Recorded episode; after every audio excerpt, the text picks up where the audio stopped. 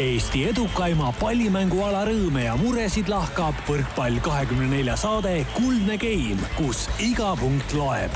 taustajõuna hoiab mängul hoogus ees Kredit kakskümmend neli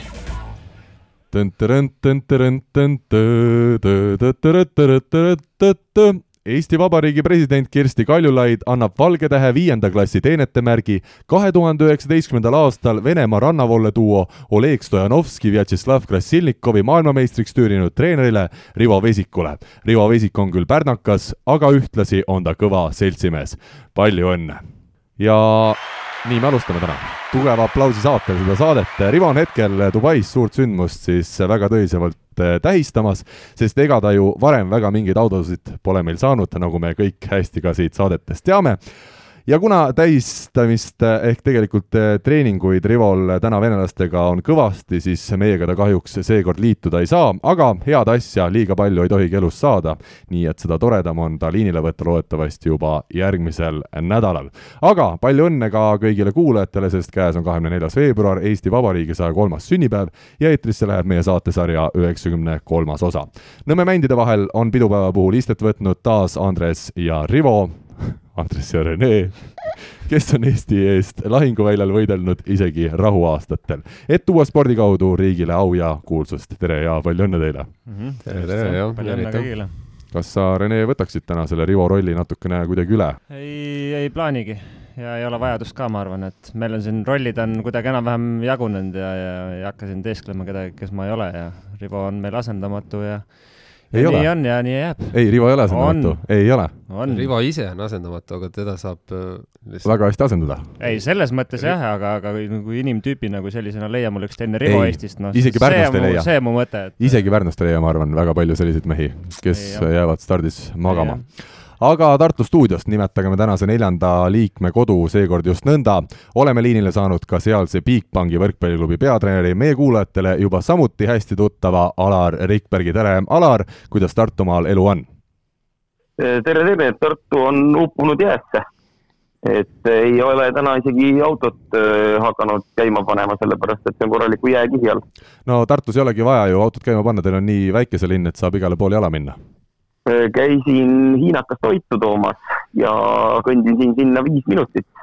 Vihjeks võin öelda, et hiinakas asub mu kodust umbes kolmesaja meetri kaugusel kehv kõndimistempo.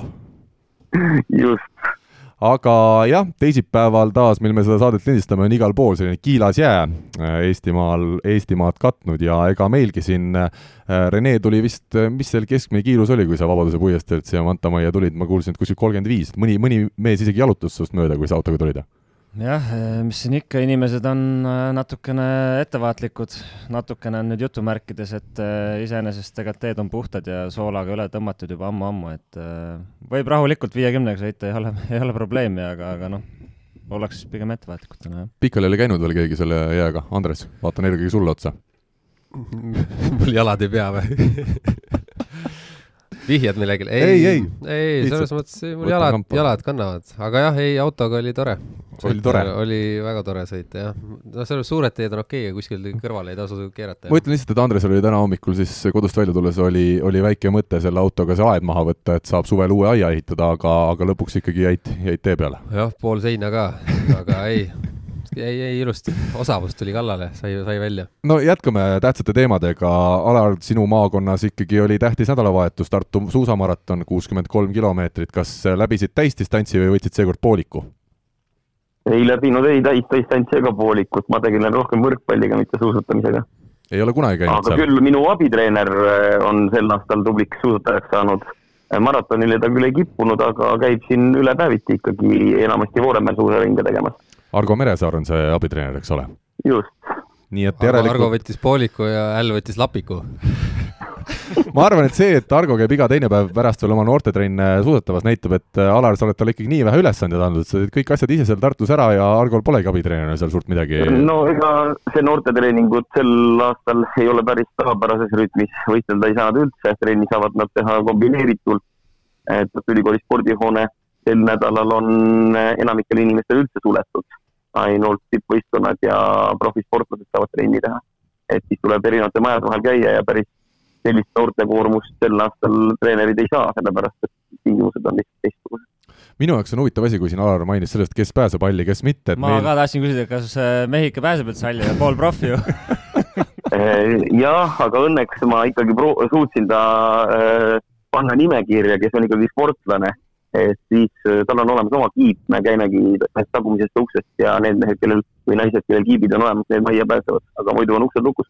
aga see asi ikkagi, et see valitsuse uus seadus, mul on väga hea meel, et ikkagi kaks pluss kaks sporti saab teha ja niisugused äh, rannavõrkpallurid ka saavad teha tublisti saalis trenni, aga aga teine asi, et esiliiga liigitub meil nagu kuidagi riigis vist nüüd profispordi alla, mina ütlen ausalt, mina ei saa aru, kuidas on esiliiga rohkem mingisugune sportlane kui näiteks rahvaliiga tasemel, et et ma saan aru, et meistriliiga klubid tohivad teha trenni, aga et see on nagu minu jaoks natuke üllatav, et huvitav, millise aluse järel otsustati, et esiliigad on ka meil erinevates siis pallimängualades siis need, kes võivad ja peavad alaga edasi tegelema, et et ei mõista mina seda, kuigi muidugi tore, et saavad mehed ka. see on ainult nagu, no selles mõttes ma mõnes mõttes saan aru, et seal on ka, vaata paljudes liigades on esiliigades äh, äh, hästi palju neid noortekoondise siukseid äh, kasvandikke, et võib-olla siis pluss korvpallis on legionäre. on jah? no vot. karud. isegi teises liigas on minu arust. no aga siis on ka seal ju teatud mõttes professionaalsus sees äkki miks meil võrkpallis ei ole esiliigas legionäre? aa, Tauno Lipp tahtis ju Viljandisse tuua, aga koroona. tegelikult on olnud, keegi mänginud ei ole või? no võib-olla mingi Ka vist välismaalane hallipassimees, kes pole saanud veel seda, aga ei, ma ei tea. ei tea jah, äkki on ikkagi. rahvaliigas meil ei ole, ma ütlen no. ausalt. see on viimane aeg. esiliigas, kas äkki oli, on olnud ka see Brian Romanov Farani äkki, kui, kui ta seal lõpetas selle nii-öelda tippvõrkpalli ära korraks. et siis ta Pärnu noortega äkki esimene aasta seal midagi üritas vaikselt kaasas käia ja olla nii-öelda mentori rollis ka, aga see jäi lühikeseks projektiks, jah aga lühikeseks meie saade täna ei jää, kuigi ma tean, et Selveri meestel juba vaata et tunni pärast on vaja hakata trenni poole liikuma, aga me Andresega enne ka rääkisime, et ega ikkagi prioriteedid peavad paigas olema, et enne saade ja kui jõuab, siis õhtul ka trenni. kuulsid jälle jah, sinu pärast me hakkasime tund aega varem pihta täna no vot, Tartus on hoopis lood sellised, et äh, eks pühapäevane mäng tekitas siis tulemuse, et äh, teie teete täna trenni, meie täna puhkame. võitjate lõbu, aga ütleme tahame, siis. tahame paremaks saada lihtsalt veel paremaks aga jah, kaks vaba päeva, ma sain ka Alari jutust aru, siis pärast seda võitu Tallinna Selveri üle Tartu mehi ees ootas, aga selle mängu juurde me muidugi täna tuleme detailselt. sinna see vorm läheb. me võtame kõik need selle statistika nüansid, isegi need, mis jäid sinna paberi teisele poole, need võtame läbi, sest meil on siin täna mõlema meeskonna asjaosalised sees, aga meil on täna planeeritud nii, et me alustame saadet ikkagi selliste rõõmusõnumitega ja Eesti korvpallikoondis pääses üle aastate meil taas EM-finaalturniirile ja ma tean, mina ja Rene on ka meil suured korvpallisõbrad, Andres ja ja Alar, sama küsimus teile, kas jälgisite seda viimast mulli Venemaal või mitte? ei, ei jälginud, ma tegelesin jah, ka siin Rivo eeskujul siin nende rannavõrkpalliga? ei äh,, nende tre treeneri paberitega Aa, siin ja siis okay. äh, ei, ei jaksanud jah Alar, kuidas sina? aga ei, selles mõttes tulemusi neid nagu ikka, aga lihtsalt nagu mänge otsepildis või, või tagantjärgi ei vaadanud, jah. Alar. mina vaatasin äh, Makedoonia mängu ja Itaalia mängu. Äh, Venemaa mängu ajal ma arvan, et meil oli trenn või mingil põhjusel seda ei saanud. ei, see oli aga... pühapäev siis, kui meil oli see teie omavaheline mäng Selveriga. no vot, aga need kaks mängu ja korvpallikoondis üldse on väga sümpaatne, et äh, Kalev Kruusi kommentaarist jäi silma selline või kõrva selline lause nagu käsitlematu enesekindlus. ja seda ei ole Eesti korvpallis varem näinud ja seda tõesti vahepeal eestlastel oli, oli väga selgelt ja mina olen rõõmus kogu korvpallirahva üle ja, ja selle meeskonna üle, et ma arvan, et sellega annab päris häid tegusid veel tulevikus teha. enne valetasin, ma tegelikult natuke vaatasin Itaalia mängu lõppu Renksi ja Ratsa ja, ja Kolloga koos riietusruumis, aga see ei olnud see kõige toredam lõpp seal. ahhaa no kus mängiti maha tohutu, tohutu. lisaajaks te juba siis läksite äh, igaüks oma teed? ei, vaatasime lõpuni. lõpuni ikka võitsid lõpuks. lõpuks võitsid, aga see, see ei, nagu ei jäänud kõige parem, kõigepealt pilt selleks hetkeks. kusjuures seesama Itaalia mäng, mille me lõpuks võitsime, mis oli väga äge värk ühtpidi, ühtpidi jah, see, kuidas me edu sisse saime, hästi mängisime, siis maha mängisime ja lisaajal selle võidu kätte saime. ma hakkasin mõtlema, millal ma viimati ise olin nii närvis ühe mingi spordi vaatamise juures nagu selles mängus, sest seal oli tõesti ju kaalul kokkuvõttes palju. ja mõtlesin, võrkpallis äkki viimane mäng oli selline, no kui me selle EM-i viimase jätame kõrvale, siis Venemaaga see MM-valikmäng, mis meil Kalevi spordihoones oli täis maja, kus me vist lõpuks napilt, eks ole, kaotasime, kus me põhimõtteliselt oleks Venemaad võitnud, me oleks saanud MM-finaalturniirile või? Jah, nii oli, aga ühesõnaga sind Eesti liigas ei koti jah, just pühapäeval pakkusime sulle viiegeimilise trilleri kolmteist, viisteist, viisteist, kolmteist. aga minu elu ei muutu, kas võidab Selver või Tartu, seal no, elu läheb edasi. spordisõbrana ei tekitanud emotsioone või? ei no sellest emotsioone, ma mõtlen närvipinget, et kas nüüd saab edasi või ei saa.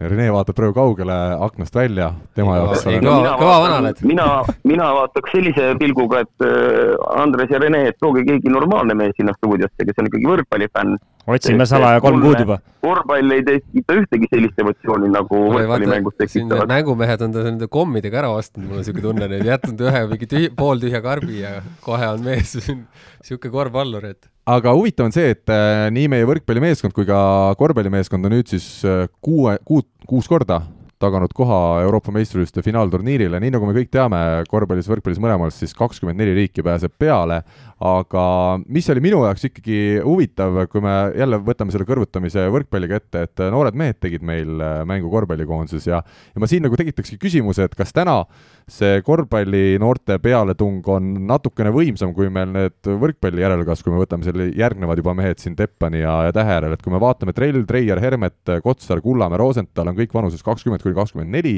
Nurger, Jõesaar kakskümmend seitse, Torbek kolmkümmend ja Sokk kolmkümmend kaks, et see on selline no Kossus lihtsalt oli natuke teist teistmoodi see asi, ütleme pauguga nagu pigem kukkusid vanad mehed eest ära ja, ja ütleme, vahepeal oli suht-koht tühjus ja siis oligi vaja ikka suurt augutäidet nii-öelda, võrkpallis on see natuke loogilisemalt võib-olla läinud, et seal ütleme, vanad mehed on veel tegelikult ju põnnitanud edasi ja, ja ei ole sellist nii-öelda lahkumise show'd veel tegelikult väga suurt olnud, et eks see siin lähiaastatel ootab ees kindlasti. Kas võrkpallikoondis täna, kahe tuhande kahekümne esimese aasta veebruaris on ikkagi veel tugevam kui korvpallikoondis või? no Pole omavahel mänginud. Pole omavahel mänginud kehakontakti me ju niikuinii ei salli, nii et ei saagi. aga kui me no seda, selle nurga alt vaatame, et no muidugi on võimatu alasid kõrvutada muul moel, kui vaadates seda, kumb EM-i lõpuks parema koha saab, aga see teravam tipp, ma julgen ikkagi öelda, on täna meil võrkpallis kõvem Täht, Juhkam, Aganits, Tammemaaga eesotsas on meil sellised mehed, keda meil korvpallis ikkagi hetkel ei ole, kes Euroopa ütleme, tippklubides oleksid äh, suures pildis, küll ma ei välista, et siin aasta-kahe pärast juba mõni selline mees võiks meil korvpallis no, ka olla. jällegi, olukorrad on erinevad, vaata seal Kossul ongi need noored nii-öelda kutid, jah, nad on äh, normaalsetes kohtades ka, aga väga-väga niisugused mi-, minimaalsed rollid neil on ja, ja anname aega ja ärme hakkagi üldse kõrvutama, vaid pigem oleme õnnelikud, et mõlemad saime peale ja, ja eestlastel on, mida nautida jälle. aga kui ma seda kõrvutamist ikkagi jätkan, hoolimata siis minu arust korvpalli edu on täna see, et meil on igal positsioonil on meil kerkinud uued mehed peale, meil on tagamängijad, ääremängijad, meil on isegi keskmängijad, mis on kõige toredam tulnud peale, et äh, võrkpallis meil on jätkuvalt see asi, et meil tuleb äh, mingitele positsioonidele neid mehi juurde, aga samas on positsioonid, kus, äh, kus ikkagi me huviga ootame, vaatame, äkki kes ja kus ja millal üldse esile võiks kerkida siis just sellest samast vanusest, ütleme kakskümmend aastat natukene siia-sinnapoole, olete te nõus minuga? No kui mina ei ole väga nõus, sellepärast et kes see korvpallis siis need mängujuhid on, kes on peale tulnud, et nad küll viskavad, aga, aga siis, kui Sokku väljakul ei olnud, väga kiiresti oli tekkimas kaos ka korvpallis. et selliseid häid mängujuhte, noh, sama nagu võrkpallis sidemängija, need küpsevadki aastatega ja sa ei saagi võib-olla kahekümne aastastelt eeldada head mängujuhtimist, nii nagu ka ei saa kahekümne aastastelt võrkpallis head sidemängija sellist tunnetust eeldada, et noh, seal on ka ikkagi teatud positsioonidel küsimusi tulevikuks no ma arvan lihtsalt, et kuna see korvpalli EM on meil ju kaks tuhat kakskümmend kaks ehk siis pooleteise aasta pärast, et selleks ajaks, kui meil on Kriisa ja Kullamäe mõlemad olemas, pluss Sokk veel aitab juurde, siis me mängujuhi koha peal, need mehed, need noored mehed on ka pooleteise aastaga nii palju edasi läinud, et saavad ka hästi hakkama, kuigi ma annan ka aru, et ega meil Itaalia, Venemaa, Makedoonia polnud ju keegi nüüd superhea koosseisu, kui me läheme EM-il vastamisi meeste, kus osades võistkonnas on kõik mehed NBA-st ja Euroliigast, siis võib meil väga keeruliseks minna.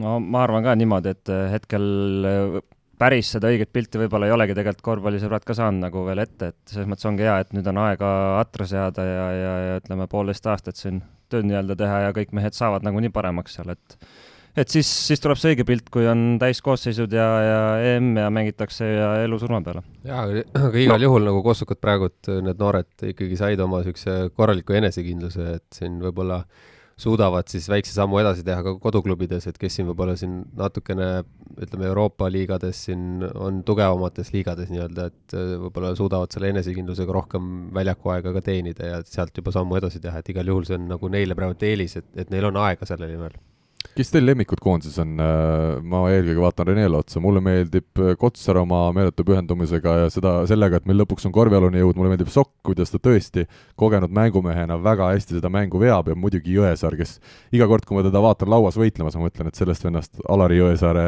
pojana oleks võinud ikkagi ka väga hea võrkpallur saada jah, ma ei tea, ma võtaks võib-olla need kaks nooremat, noh, Vene on nagunii seal A ja O, oleme ausad, äh, asendamatu. kas on pooleteise aasta pärast EM-il? kindlasti on, muidugi loomulikult on. mina ütlen, temast ei sõltu nii palju, kui ta on ääremängida, tähtsam on meil ei, see ei, riietusruumi asjad, kõik jutud, see on see mees, kellele alt üles vaadatakse pooleteist aasta pärast ka, siin ei ole küsimustki. aga, aga mulle meeldib äh, võtame noored jah, seal kaks tükki, kui üks on Kullamäe, teine ongi seesama Kotsar, et äh, mulle tundub, et neil on hästi nagu, nad on mõnusalt kahe jalaga maa peal ja, ja neil on mingi visioon ja, ja läbimõeldud nii-öelda karjääri nii-öelda see ülesehitus oma, oma mõtetes, et samm-sammult mitte, mitte ei pauguta nagu nii mõni teinegi, et, et selles mõttes mulle, mulle see jah, ütleme, kaine mõistus meeldib ja, ja niisugune asjalik, asjalik on see pilk meestel pluss on mõni hull selline trellisugune ka juures, see on ka päris vahva no, vaadata, kunagi ei tea, mis ette tuleb. see on värvikas, see on värvikas ja seda on ka vaja kindlasti, et Just. sai siin ju räägitud ka selgrootutest ja nii edasi, on ju, et seda on kindlasti vaja, aga, aga noh, see on jällegi, kes, kellele ema, kellele tütar teema pigem. Alar, kas sina Tartumaa mehena ikkagi äh, Alari Jõesaarele ka soovisid õnne, kui, kui Janari tegi järjekordse hea mängu ja Eesti pääses EM-ile?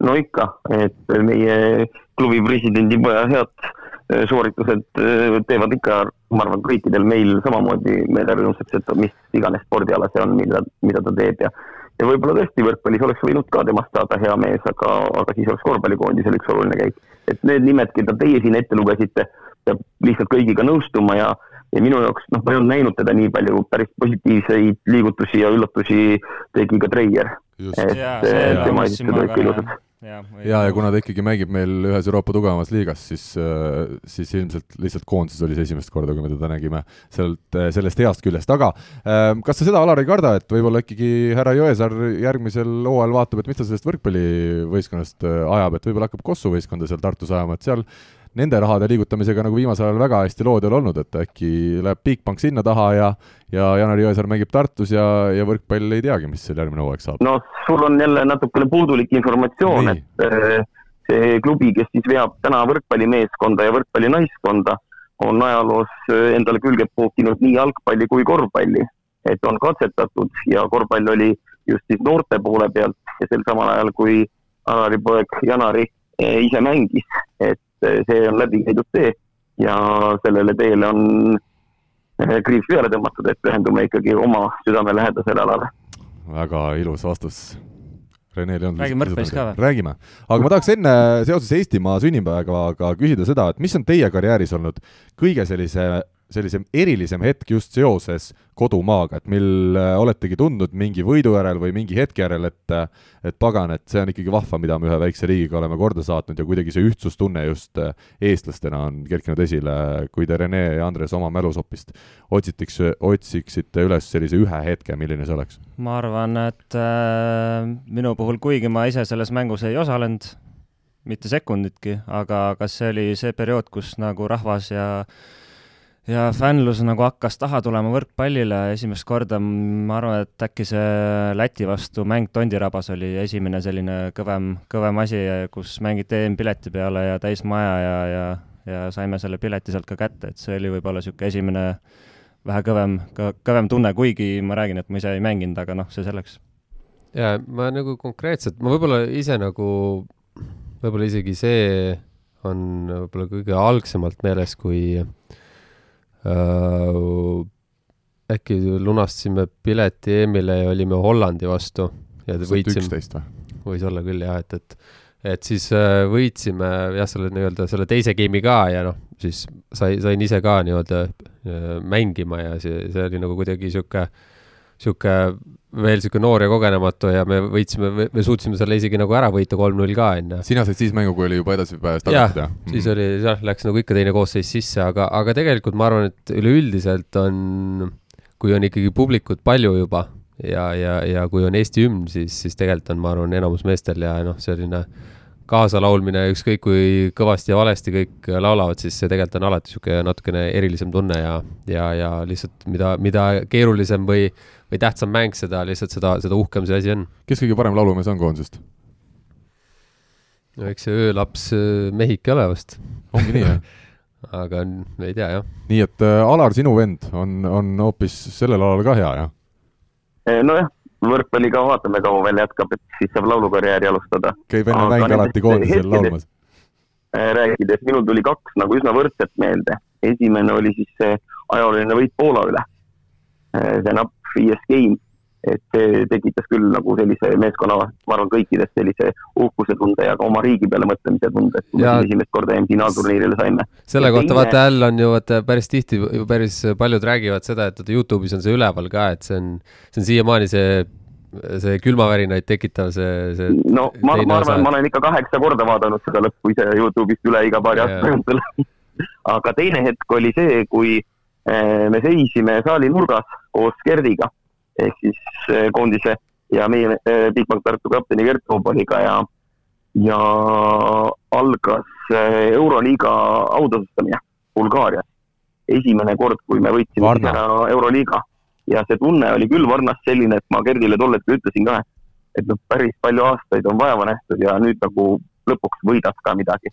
noh, muidu sa võidad kuhugi edasipääsu või mingi mingile turniirile saamise, aga nagu terve võistlus kinni panna, et see oli esmakordne ja, ja kuigi neid võite tuli kaks tükki veel, nii maailmaliiga kui ka Euroliiga järgmised aastad, siis see esimene oli see, kus, mis tekitas küll päris sellise, et pisar tahtis vaikselt silma tulla. aga see oli küll see, see Bulgaarias, ma mäletan ka, et see, see pingelangus pärast seda oli ikka nii jõhker, et see, see oli jah, see niisugune, võib-olla isegi esimese hooga ei jõudnudki nagu kuidagi rõõmustada, vaid see oli nagu niisugune noh, see oli julm mäng ka seal lõpus ikka nii nugade peal, et äh, see, see oli küll jah, seda isegi jääb meelde siiamaani, jah. kuule, aga kas me kõik neli olime vist seal Varnas kohal ka või? Andres ja Rene olid ka? see oli. mängisid finaali. aa, no näed, kuidas oli? poolfinaal oli see. ma arvan, et nugade peale ei läinud ju finaal. Nuga, nugade peale läks poolfinaal. aa, poolfinaal. kindel kolm null, kolm null, jah. ja, ja, ja poolfinaal just, võib-olla siis jah, mul läkski sassi see Bulgaariaga kolm-kaks äh, ja, jah, vot see oli see, kus oli, lõpp oli siuke, ma mäletan, et see oli tohutu mingi pingelangus, aga võib-olla see oligi pingelangus, et see järgmine mäng on nagu kuidagi nii palju enesekindlamalt sai peale minna vist, et. Äh, kuule, aga olete te nõus sellega, et natuke on rikkunud selle Euroopa liiga meie jaoks ära edaspidi see, et, et ei ole olnud enam eesmärgiks Euroopa liiga võitmine, vaid juba see, et sealt siis edasi pääseda sinna sellele turniirile, kus mängitakse, kuidas iganes siis seda parasjagu nimetati või nimetatakse sinna maailmaliigale, et et see ei ole nagu enam see lõppkulminatsioon, vaid see on lihtsalt mingi vaheetapp ja seetõttu me nagu ei oska ka enam äh, nii palju rõõmu sellest tunda no natukene võib-olla oleme ise ka selle reha otsa astunud, et äh, mingi aasta võib-olla oleme siin natukene mõelnud juba siin jah, selle Challenger Cupi peale, et aga, aga ilmselgelt täna on tase ikkagi piisavalt kõva, et et sealt läbi minna grupist ja, ja see pilet üldse sinna Challengerile saada Euroopast on ikkagi üsna-üsna raske, et äh, peab ikka täiega keskenduma kõigepealt sellele ja siis, kui, kui energiat üle jääb, tookord ei jäänud kahjuks, aga, aga siis, siis nagu edasi vaadata, et need, need olid väga lähestikku ka, ma mäletan ja, ja ja, ja jah, et selle reha vastu, vastu on veel lihtne astuda, jah. Siis... no mina ütlen niimoodi, et me olime koondise staffiga aruteludel, et äh, mina olin sellest poolest, kes arvas, et ega Eestil maailmaliigas mängimine ei pruugi kõige parem mõte olla.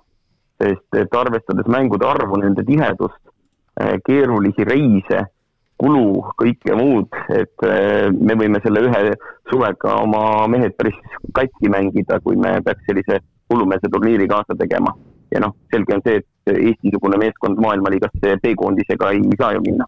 kuule, kas äh, Soome ju tegi selle mingi vahe läbi enne?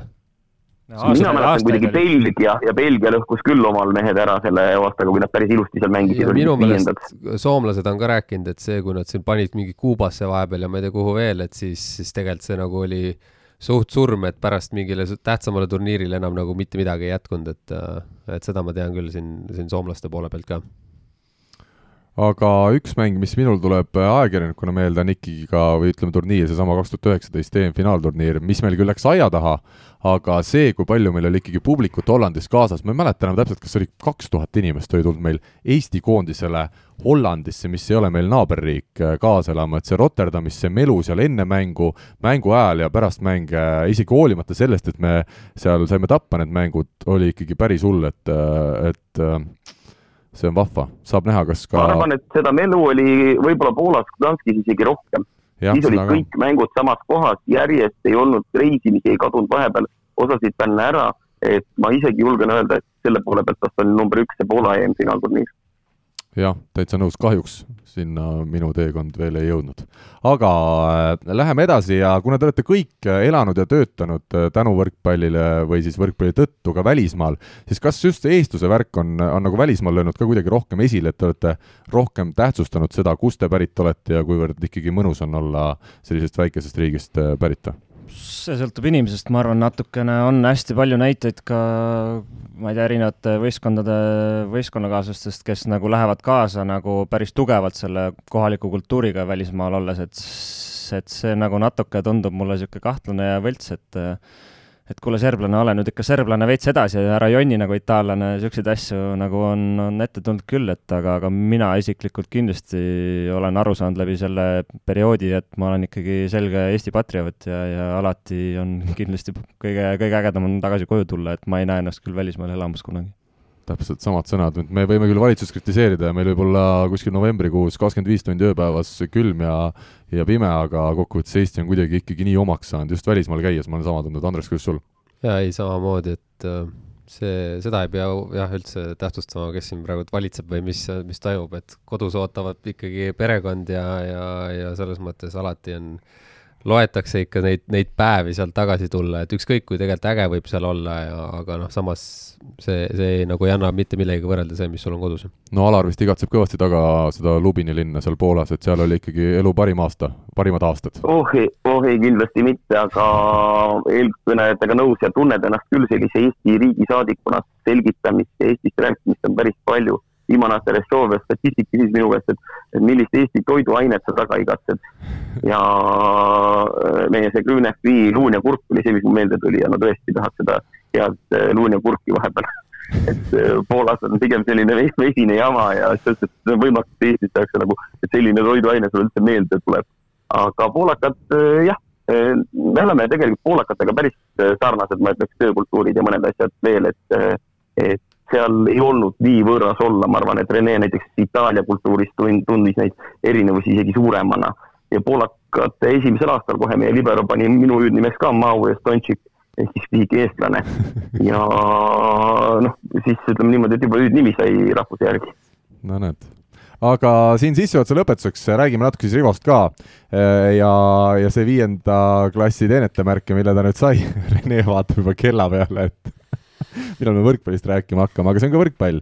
Äh, Stanovski ja Krasilnikovi siis see MM-tiitel äh, tõi talle selle valge tähe teenetemärgi, aga tuletame meelde ka kuulajatele, et äh, ikkagi see Stojanovski pikem mees, kahesaja seitsme sentimeetri pikkune ja kahekümne nelja aastane rannavõrkpallur on olnud selline Rivo eriprojekt juba teismeeast saati, kui siis Stojanovski oli veel teismeline ja ja kui siis, kui ma õigesti mäletan, Stojanovski isa palus Rivolt abi ja, ja tänaseni on see koostöö siis äh, sobinud ja täna on tänu sellele Rivo ka Venemaa koondise siis teine treener, aga väga palju ta just äh, Olegi ja Vjatšeslavi igapäevaselt äh, treenib ja, ja väärib seda autasu. Äh, minu küsimus on teile, kas Stojanovski oleks täna ka saalivõrkpallis maailma tipus või? Alar, võib-olla alustame sinust?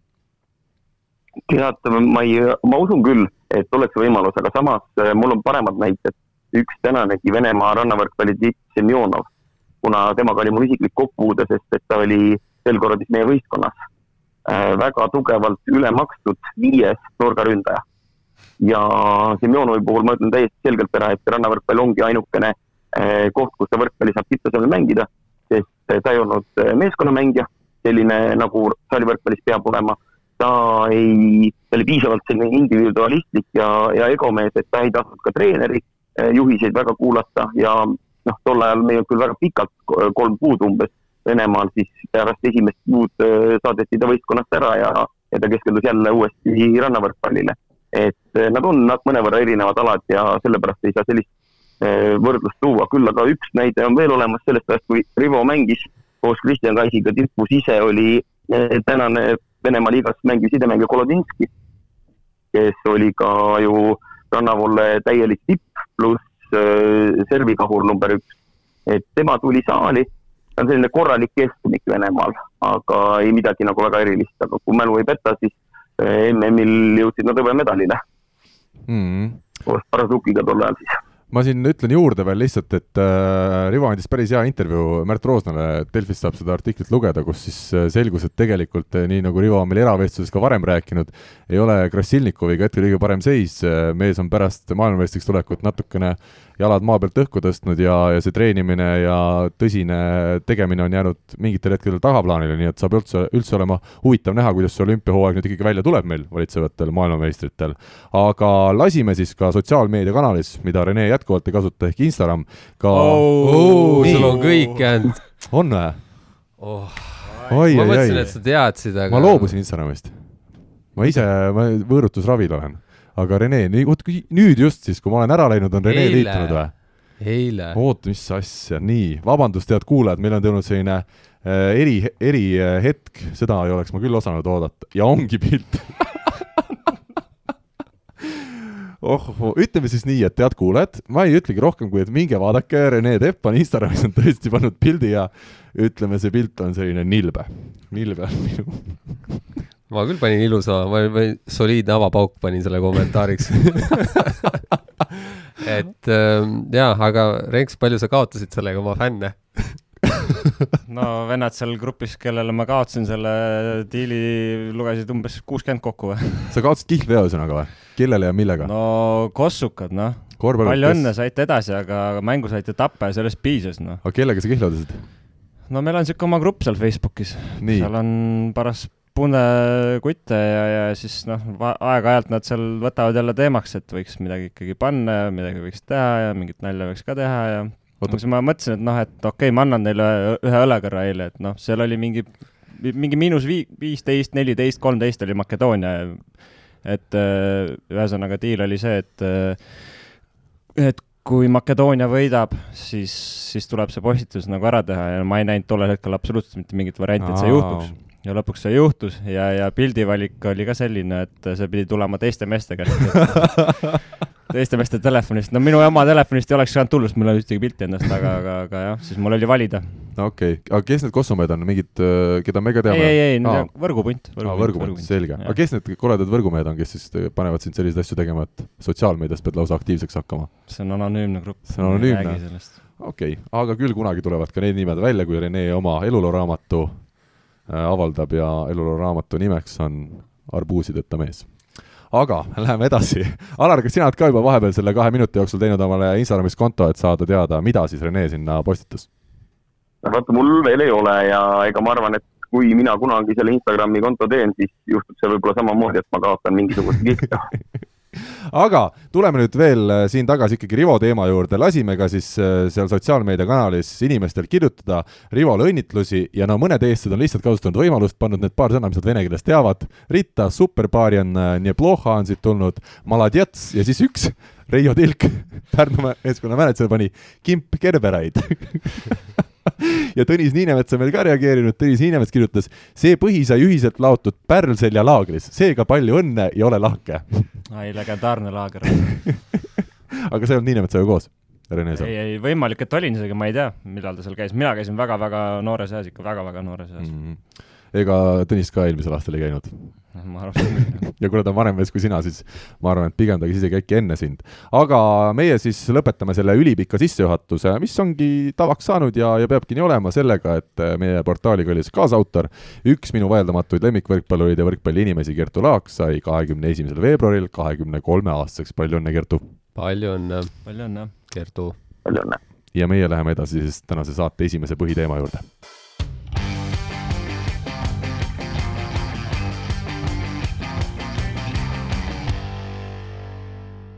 no eelmine nädal ikkagi Eesti võrkpallis, kuigi siin mehed tahavad öelda, et ma võrkpalli vastu enam üldse huvi ei tunne ja mingeid emotsioone ei teki, siis see mäng tekitas küll emotsioone palju, Tallinna Selver ja Tartu Bigbank, meie hetke kaks paremat meeskonda, andsid ühe tõelise põnevusetenduse meile Audentse spordihoones tühjade tribüünide ees, kolm-kaks siis lõpuks mäng Tartule.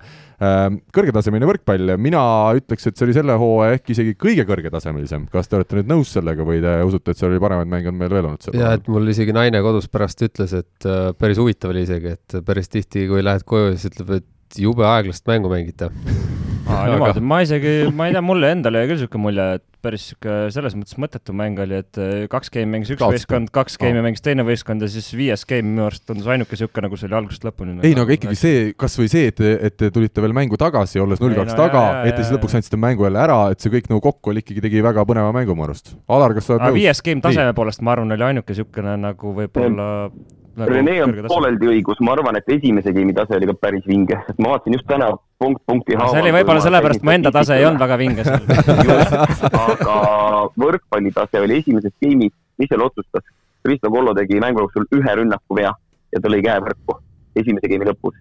ja teine oluline asi, viies game, meie ründasime niimoodi, et null viga ja null plokki lööki, Selver ründas niimoodi, et null viga ja üks kani plokki, kus siis Orav game'i lõpus anitas äh, Rene tõstis kuskilt kahekümne seitsme meetri pealt ideaalse palli ette ja tänitas selle Gerto vai plokki. et üliväiksed asjad ja noh, need ongi need game'id, mis näitavad, et eh, sellist võrkpallitaset noh, mängitaksegi ja ma ei välista, et ega lähematel aastatel võib-olla Eesti publik enam ei näegi sellisel tasemel võrkpalli. aga see vahepealne osa, kuidas me kukkusime, kuidas kõigepealt Selver kukkus ära teise game'i lõpus ja kuidas me kukkusime täitsa kokku omadega kolmandas game'is, neljandas mingi hetk ärkasime siis jälle korra vajusime ära, et eh, see keskmine osa jah, nad ilus võrkpall ei olnud, aga esimene ja viimane olid täitsa, täitsa tipp-topp kuule, aga üritame panna ikkagi mingit, mingisse konteksti seda mängu, seda taset äh,. Nii... korvpalli konteksti, jah? ei, no tule taevas appi, isegi ma ei viitsi enam korvpallist täna rääkida, nii palju on räägitud ähm,. Eestile on meil tuttavad, ütleme, Poola liiga viimasest ajast ja ütleme Saksa liiga, kus meil on sel hooajal siis Martti Juhkami nii-öelda tippklubis ja Karli Allik seal keskpärases äh, või keskmise hulka kuuluvas klubis. kas Saksamaa ei saa rääkida Saksamaast, kui ei ole ise nagu mänginud, no ma võin öelda, et Saksamaa pole ju midagi, Berliinile tõmbasin kaks korda lutti kolm-null, kolm-null, ma ei saa ju selles mõttes öelda, ise olid ka tugevamas võistkonnas sa ei ole igapäevast seal liigas sees, sa ei saa seda võrdlust tuua. no aga Poola liigas, kas Poola liigas äh, oleks Tartu ja Selver sel hooajal? no ei, vaata, see ongi see, millest Al rääkis praegust, et äh, algus oli ilus ja lõpp oli ilus äh,, aga see vahepealne osa ongi see, mis ongi nii-öelda taseme näitaja päeva lõpuks, kus tuleb mängida stabiilselt kõik game'id algusest lõpuni, et see, kus sa natuke kuskil sähvatad siin või seal, noh. no aga eks Poola tagumise otsa klubidest ka tuleb neid ärakukkumisi ju. no jaa, aga neil on tugevam võistkond vastas ka, nad on surve all kogu aeg, noh. Alar, mis sa arvad selle teema peale? no jaa, aga Poolas ongi niimoodi, et sealt on üks selline õnnetu võistkond, see Benjin, ja noh, ma arvan, et nendega kannataks mängida küll, aga kui juba ülejäänud, olgu see Rado Molstin, Lubin või kes iganes, siis ikkagi on väga-väga raske. et noh, tänu, mis Rene tõi õigesti välja, et tänu sellele, et kvaliteeti on, aga stabiilsust pole, siis game'e sa võidad, aga mänguvõite on ikka raske saada.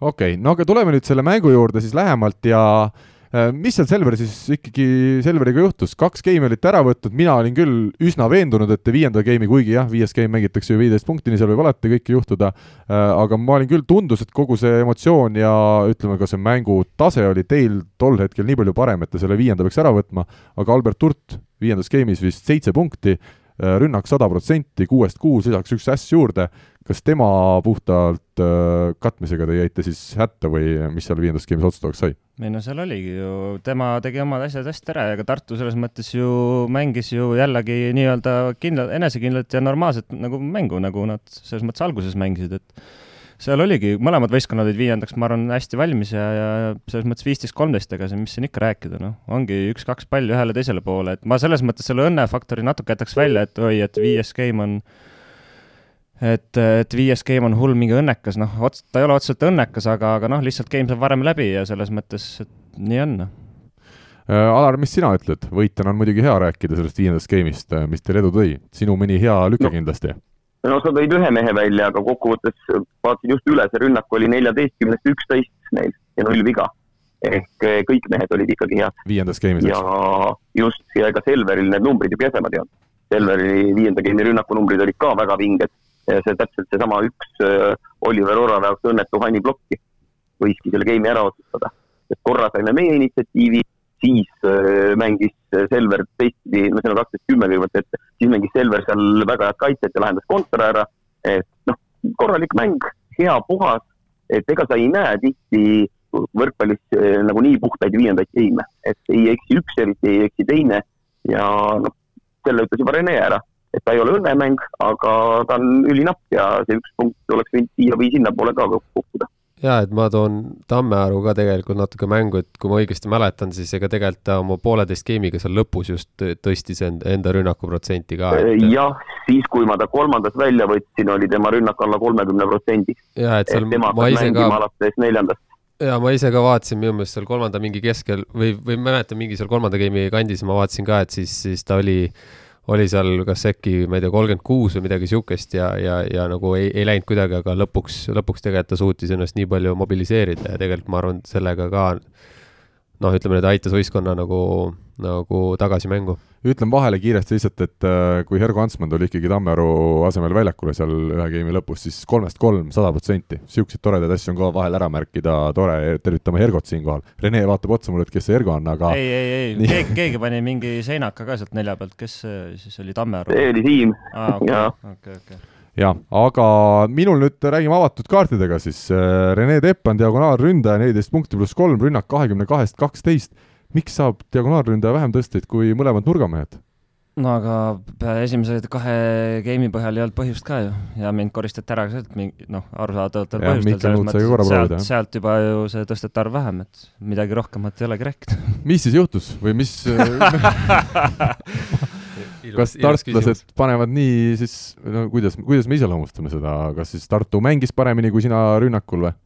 Äh, no see on see koht, kus äh, ründaja egoistlikult tavaliselt ütleb, et ah ei, vastased ei midagi, et ise olin kehva, onju. noh, loomulikult vastased tegid midagi hästi ka ilmselt ja, ja selles mõttes äh, ei õnnestunud mängu algusega, ma peale mängu olen loomulikult ka mõtisklenud selle üle ja, ja võib-olla muuta mingisugust äh, mängule tuleku nii-öelda approach'i, mis iganes, et äh, eks siin on aega selles mõttes mõtiskleda, õnneks mõisa peale mängu otseselt ei olnud. Äh, ja, ja ei õnnestunud lihtsalt noh, ega nii kehva mängu algust ma tõesti ei ole ikka päris, päris ammu ilmselt teinud, ma olin seal ikka, ma arvan, mingi miinus kuus vahepeal lausa võib-olla, et, et, et aga noh, jällegi ikkagi nagu äh, kogemust on selles mõttes piisavalt vist, et ikkagi ronisin välja ka sellest seisust, et selles mõttes nagu okei okay,, aga, aga jah, niisugust mängu algust kindlasti lubada, lubada ei saa diagonaalründaja endale. viiendas skeemis said kaks tõstet, mõlemad lõid maha, kas äh, kuidagi üle ka viskab mingil hetkel või sa võtad jumala rahulikult, et ei tulegi tõstid, ei tule, täna läheb teistele ja oskad sa nagu sellega juba leppida või? aga ju ega Al tõi enda need äh, võistkonnanumbrid välja, aga ma arvan, et ega meil ka tõesti need väga kehvad selles mõttes ei olnud ja kui ära lüüakse, siis mis sul seal kobiseda on mm, -hmm. et äh, Alar, saite siis ma võtsin just numbrid ette ja vaatasin kiiresti, kuni Rene rääkis kõik tema löögid ära. no esiteks statistika natuke valetab, küll ühe võrra, eks Rene lõi ära kahekümne kolmest kolmteist, diagonaalründaja viiskümmend seitse protsenti, no mis seal paha on. see on päris eh, tipp-topp, aga tõsi ta on, et eh, üheksateist, seitseteist seisul lõi esimeses skeemis ühe punkti rünnakul, teises skeemis ei ole saanud ühtegi punkti rünnakul maha. et kaks skeemi jah, olid japud ja siis hakkavad järjest need head sooritused tulema alates Eh, neljandast. kuule, aga räägime, räägime nüanssidest ka, üks niisugune küsimus, mis mind huvitab, kui ma vaatan eh, Albert Hurt, kes on tõesti suurepärases vormis olnud siin viimasel kahel kuul, sai üksinda kolmkümmend kaks tõstet siis nurgast. Ja kõik temporündajad, viis tükki, kes väljakul käisid kohtumisel, said kahe meeskonna peale kokku kolmkümmend kolm tõstet. miks nii vähe temposse mängiti? Või, või see on normaalne number teie hinnangul? Andres, anname sulle ka sõna vahepeal, sa oled tempodega, sa saad ise nendega mõned millest te räägite? ei, ei no eks selles mõttes äh, sidemängijad ju tunnetavad ka seda, kus ja mis tuleb, ma praegult üldse ei, ei võta välja, kui palju keegi siin ära lõi, et eks selge oli see, et meil oli samamoodi algus, algus, alustas Helger, ega ta sealt kohe neid palle ei saanud ja, ja teada on, et, et kui, kui sealt mängu nagu kohe neid punkte ei hakka tulema või rünnaku lahendusi ei ole, siis ei ole aega enam pärast anda või?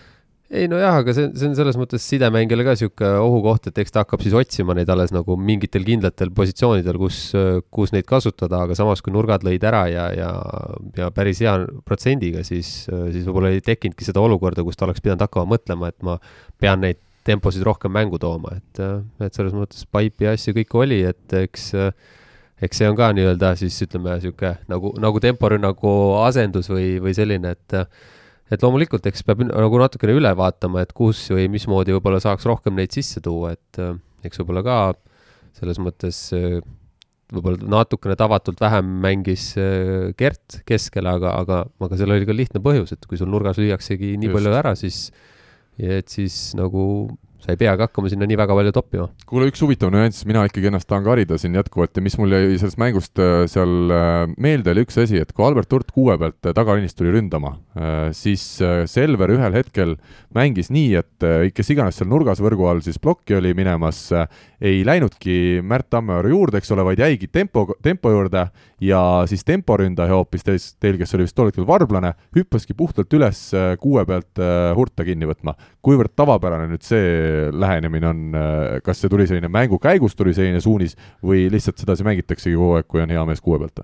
eks teatud, teatud momentidel võetakse selliseid, selliseid lahendusi, kus, kus on nagu tõenäosus, et see pall läheb pigem sinna ja, ja eks see on niisugune kas nüüd täpselt äh, treenerite poolt paika pandud teatud momentides või, või seda ka saavad tegelikult plokis mängijad ise nagu arutada, et seal on, seal on, seal on antud suunised ja, ja mis hetkel, eks lõpp on ikkagi niimoodi, et mängijad on need, kes otsustavad selle asja.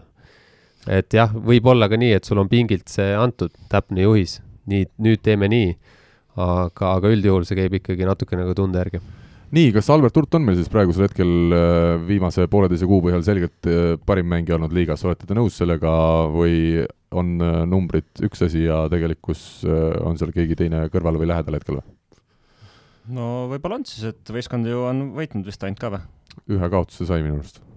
aa, Lätis koperdasite vist midagi seal, jah? aa, kaks kaotust siis oli jah Lätis, Alar, saite ju Lätis tappa mõlemad mängud? tead, ma räägiks nendest kaotustest ära, mis äh, ma hakkasin ükspäev mõtlema siin eile õhtul või üleeile oli, et äh, sarnane asi nagu Prantsusmaal juba, et kõik võidavad, kõik kaotavad. ma lugesin kokku, et mitte ükski võistkond ei ole sel hooajal saanud vähem kui kuus kaotust. et Eh, noh, meil samamoodi ja ükskõik mis võistkonnal, et eh, see näitab seda taseme ühtlust. Albert muidugi on väga head nädalad, kuu või paar teinud, aga samasuguseid väga heas vormis olevaid mehi on kõikides võistkondades. et eh, võtad sa Oliver Orava Selverist viimase mängu põhjal ja tegelikult mitme viimase mängu põhjal Kristo Kollo, võtad sa Hindrek Pulga Saaremaalt, samamoodi Svans enamasti ikkagi väga hea Pärnus, et neid mehi, kes on heas vormis, igas võistkonnas on olemas aga mis sa siis äh, selle Hurda kohta ütled, on ta läinud võrreldes koondise suvega veel edasi, sa oled teda iga päev seal ju näinud ka seal on teine olukord, äh, Albert läks sügisel tagasi. ta oli koondises väga heas seisus ja tal kevadel oli, kui mälu ei peta, kolm korda oli haige. iga kord tähendas see ka trennipausi, järjekordset koroonatesti, mingit ootamist ja lisaks veel äh, pisivigastused et tal oli sunnitud trennipause esimese paari kuu jooksul väga-väga palju. ja see jättis ka jälje sellele hooaja esimesele poolele. et äh, alates detsembrist äh, on asi liikunud paremuse poole ja noh, nüüd ongi ta selline, nagu ma lootsin ja eeldasingi, et ta peaks mängima no tuleme siis nende Selveri meeste juurde, keda siin Alar juba mainis. Äh, Kollo ja Orav tõesti on ju mõlemad järjest teinud ka väga häid mänge. Äh, ma küsin, Alar, sinu, sinu käest, kuna sina ei ole meil Selveri võistkonnaga ainsana siin seotud peale minu, et mis sa arvad, millal Andrus Aadik, meeskonna kapten, tagasi väljakule pannakse? kas selleks peab Kollo või Orav tegema mingi kehva esituse või ikkagi teatud hetkel Rainer Vassiljev teeb selle otsuse lihtsalt ja, ja lülitab Raadiku tagasi sisse, on see, oleks see vajalik käik? Rainer teeb selle otsuse e, pühapäeval mängus RTU vastu. mängus ei ole Selveril seal mitte midagi. ma arvan, et Rainer teeb veel selliseid põnevaid koosseisu otsuseid ja see on ka väga hea lahti mängimise mäng e, Ratsale. aga kui ma nüüd seda kolmikut võrdlen, siis head võimalused treeneril, et ta saab niimoodi kombineerida. et Ratsa jätkuvalt on üks hull vend, kes väga palju otsustas ära karikafinaalis ja oli ka väga heas vormis. pärast seda võib-olla nii särav enam ei ole olnud. Eh, ma ei usu, et ta nüüd kohe ühe-kahe mänguga jälle hakkab sellist taset näitama, nagu ta septembris ja novembris näitas. et tal veidi läheb aega, aga, aga Rainer piisavalt targa treenerina leiab neid mänge ja neid võimalusi, et eh, ta istutaks hooaja lõpuni ühtegi sellest kolmikust nurgaründajate puhul pingile, et ta tuleks kõik vajadusel võtta enne kui me läheme Selveri meeste juurde sama küsimusega, siis ma ütlen lihtsalt ära, et äh, olles ka seal kohapeal jälgis seda mängu, see, kuidas Andrus Raad ikkagi kaptenina oskab ja suudab ja tahab äh, mehi ka varumeeste nurgas või seal pingi peal olles äh, utsitada, motiveerida, julgustada, et isegi kui ta väljakul ei ole, on tema sellist kohalolekut tunda, mulle sedasi paistab. nüüd annan sõna siin Raadiku teema osas Renele. jaa, muidugi on tunda, närv jääb igapäevaselt, noh nii võid edasi rääkida, Ats nüüd. ei jah, tegelikult ta on niisugune selles mõttes kompromissitu võitleja, aga ta ei, ta ei ole kunagi selline, et kui, kui mina platsil ei ole, siis mul suva, mis võistkond, et ta on nii võistkonnamees, et et eks, eks need tema väljaütlemised on ju ka ju päris tihti olnud, et teda ei huvitagi see, et noh, kuidas ta ise läheb, et peaasi, et võistkond läheb hästi, et eks, eks ta on sellise mängufilosoofiaga või selline, selline spordimees on ja, ja selles mõttes eks, eks see on nagu noh, mängija tegelikult tugevus, et, et ähm, et tema, tema igal juhul annab endast sada protsenti, et ükskõik, milline tal vorm on ja, ja seda on näha seal platsi kõrval ka, et eks ta võib-olla Renksile käib närvi ka, aga oota, aga millega, sa tegid nalja küll, aga ega me täpselt ei tea neid taustu, sa ikkagi mõtled seda heas, heas, heas sedasi, heade no, soovidega või? nii, et heas, jah. ei no eks me utsitame üksteist seal, noh. ei, see jah, selles mõttes utsitamine käib, ega kui kui ka üks mees ütleb teisele seal servi kohta sitasti, siis ja, ja pannakse, pannakse mängu, tõmbab ässa, siis ega siis näidatakse näpuga ka ja, ja, ja tehakse seal häält, et eks see, see käib asja juurde. see käib asja juurde ja et jah, aga, aga Rätsa selles mõttes tõesti, et ta, ta on selline, eks tal, kui tal on võib-olla tõesti väga-väga madal sees, siis eks ta on natukene võib-olla vaiksem ka, aga, aga praegult on selgelt näha, et eks ta kibeleb kindlasti tagasi, aga, aga see ei tähenda seda, et ta peaks nüüd kuskil nurgas ootama oma võimalust ja käsi rusikas olema ja, ja ta ikkagi nagu on, on nõus ka seal pingi peal olema ja sealtpoolt aitama ja, ja kui tekib, siis võimalus tekib ja. Kuulge, aga lõpetuseks selle mängu juures, Selver ja Bigbank, meie hetke kaks paremat võistkonda vastamisi ja väljakul ei käinud ükski legionär, kõik on oma mehed, see on ikka julmalt äge tegelikult, julmalt äge, näitab, et äh, et see liiga sel hooajal on tõesti vaatamist väärt ja, ja tasub seda nautida nii kaua, kui seda on ja me peame arvestama, et siin mitmed mehed ilmselt, nii kogenumad kui ka nooremad, järgmisel hooajal ei pruugi enam Eestis mängida, mis on ühtpidi tore, aga teisalt tähendab seda, et, et sellist hooaega nagu sel hooajal ei pruugi meil lähiajal küll mitte tulla. Rene, millal sina plaanid nii-öelda hakata Eestisse sellepärast tulema tagasi mängima, et, et on nagu juba käidud küll välismaal, oled sa mõelnud mingi ealise piiri omale, et kolmkümmend neli, siis on kõik, siis olen Selveris elu lõpuni? ei ole, aga eks, mis siin salata, ega see tervis on ka ikkagi siin jukerdanud viimasel ajal ja eks see juba ise paneb natukene siin mõtlema ja kõhklema iseendas ja nii edasi, et ega et see on nagu üks asi ja teine asi on äh, ikkagi jah, on ka see, et on käidud, on nähtud äh, ja ütleme noh, kui siit nagu selles mõttes noh, iga asja peale ma ei jookse, on ju, et äh, aga ka seal on ka nagu kaks vahet, tihtipeale me oleme kuulnud kunagi varasemalt, et oh, mingite meeste käest, et oh, iga asja peale ma ei jookse, on ju, sellele ma vaidleks vastu ja ütleks, et kuule, mis mõttes, et sa peadki alguses musta tööd tegema, see on väga suur õnn või mingisugune asi asjade kokkulangemus, kui sa oled kohe hea mingi pudrumäe otsa, see on suhteliselt haruldane, kui mitte võimatu, et et see mul nagu selles mõttes on tehtud ja, ja aga, aga ütleme, see pilt ikkagi on nii palju ette tulnud ju Euroopast äh, ikkagi ise käinud ja, ja suhtled inimestega, mängijad on mänginud erinevates kohtades, et igale poole tõesti nagu ei kipu, noh, et äh, et äh, tuleb tunnistada, et siin Eestis ikkagi jälle jah, on ikka nohu mängida selles mõttes, et täna on juba veebruari lõpp ja, ja aeg lens, lihtsalt lendab, et kui välismaal ütleme, läheb poole aeglasemalt see kõik, kõik see aeg ja värk, siis, siis siin on tõesti nagu selles mõttes lust lausa aga Saaremaa meeskond siis võitis Pärnut kolm-üks. Ja mida see tulemus tähendas? tähendas seda, et Pärnu lõpetab meil vaheringi neljandana, ehk siis Eesti meistrivõistluste poolfinaalis läheb vastamisi siis sellega, kes lõpuks selle vaheringi esimesena lõpetab. Ja Saaremaa võttis siit kolm punkti, Indrek Pulk kakskümmend neli punkti pluss seitseteist, jätkab suurepärases hoos. Äh, venelane Poplete-, Popletejev, uus mees, veel väljakule ei saanud, äh, aga seda me natukene keeldasime, et kui ikkagi Lepik ja Osolins on olemas, siis kohe võib-olla Popletejevile võimalust ei leita. Alar, kuna sina meid eelmises saates kaasa löönud, siis mis sina sellest uuest täiendusest arvad, kas Pärnu muutub äh, venelase tulles nüüd äh, oluliselt paremaks või sisuliselt äh, ei ole seal suures plaanis vahet? E, ega ma tea, mis põhjusel äh, võeti selline mees sellisele positsioonile, et kas tõesti selliseks back-up meheks, kui Lepikuga midagi juhtub. aga muidu noh, raske on kommenteerida, sest ei tea seda tausta. ma ei näe küll põhjust, miks Osolins või Lepik, kui nad mõlemad on terved ja korras, peaks pingil istuma noh, üks ikkagi, ma olen jätkuvalt veendunud, et eh, Taavet oma üldmängu, oma vastuvõtu kaitse kõige muuga on selle meeskonna eh, vedur, aga noh, kui Aavo mõtleb ise enda järgmise suve tegemistele Läti koondise peatreenerina, siis eh, päris nukker oleks, kui ta toob Venemaa esiliigast mehe, kelle tõttu siis tema Läti koondise põhinurgaründaja istub hooaja lõpu pingil täitsa nõus, aga vaatame nüüd tabeliseisule otsa, siin on siis sisse arvestatud ka Grade24 meistriliiga põhiturniirilt kaasa tulnud punktid.